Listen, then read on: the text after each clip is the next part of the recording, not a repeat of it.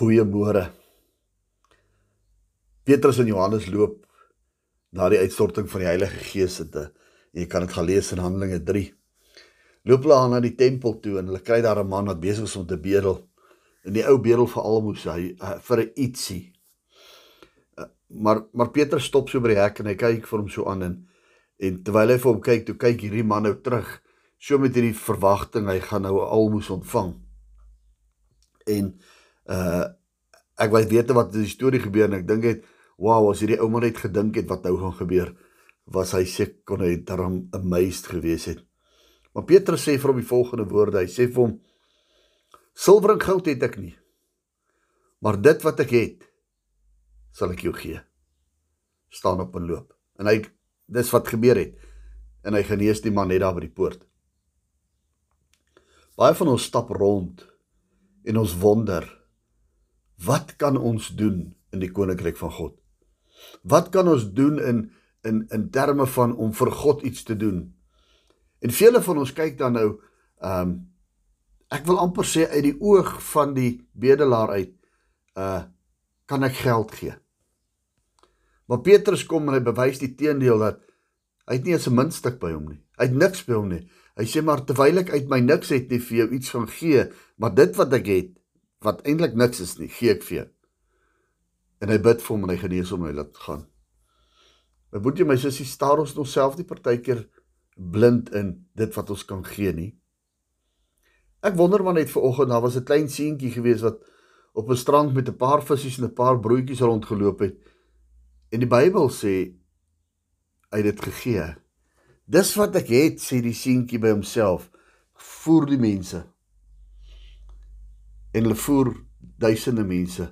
So by so laat hulle die Bybel sê almal gevul was met ander woorde hulle is nie meer honger nie en laat hulle nog oorskiet opgetel het. Hulle het oorskiet opgetel wat meer was as die oorspronklike paar broodjies en paar visse nadat die mense gevoer is. Wat het die seentjie gehad? Dit wat ek het, gee ek vir jou.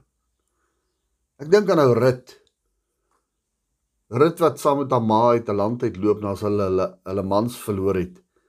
En sy sê net vir vir Rut vir vir Naomi: Ek gaan nie weg nie, ek gaan by jou bly. Sy het niks nie. Sy het nie 'n man nie, sy het nie besittings nie. Dit wat sy het, gaan sy vir Naomi teruggee. Sy gee net van Naomi lo lojaliteit terug. My boetie, my sussie, nou vra ek weer die vraag. Hoekom kyk ons elke keer na die finansiële sy wanneer ons vir die koninkryk van God iets wil doen. Hoekom gee ons nie net dit wat ons het nie? En miskien dink ons nie so ver daaraan om wat het ons nie?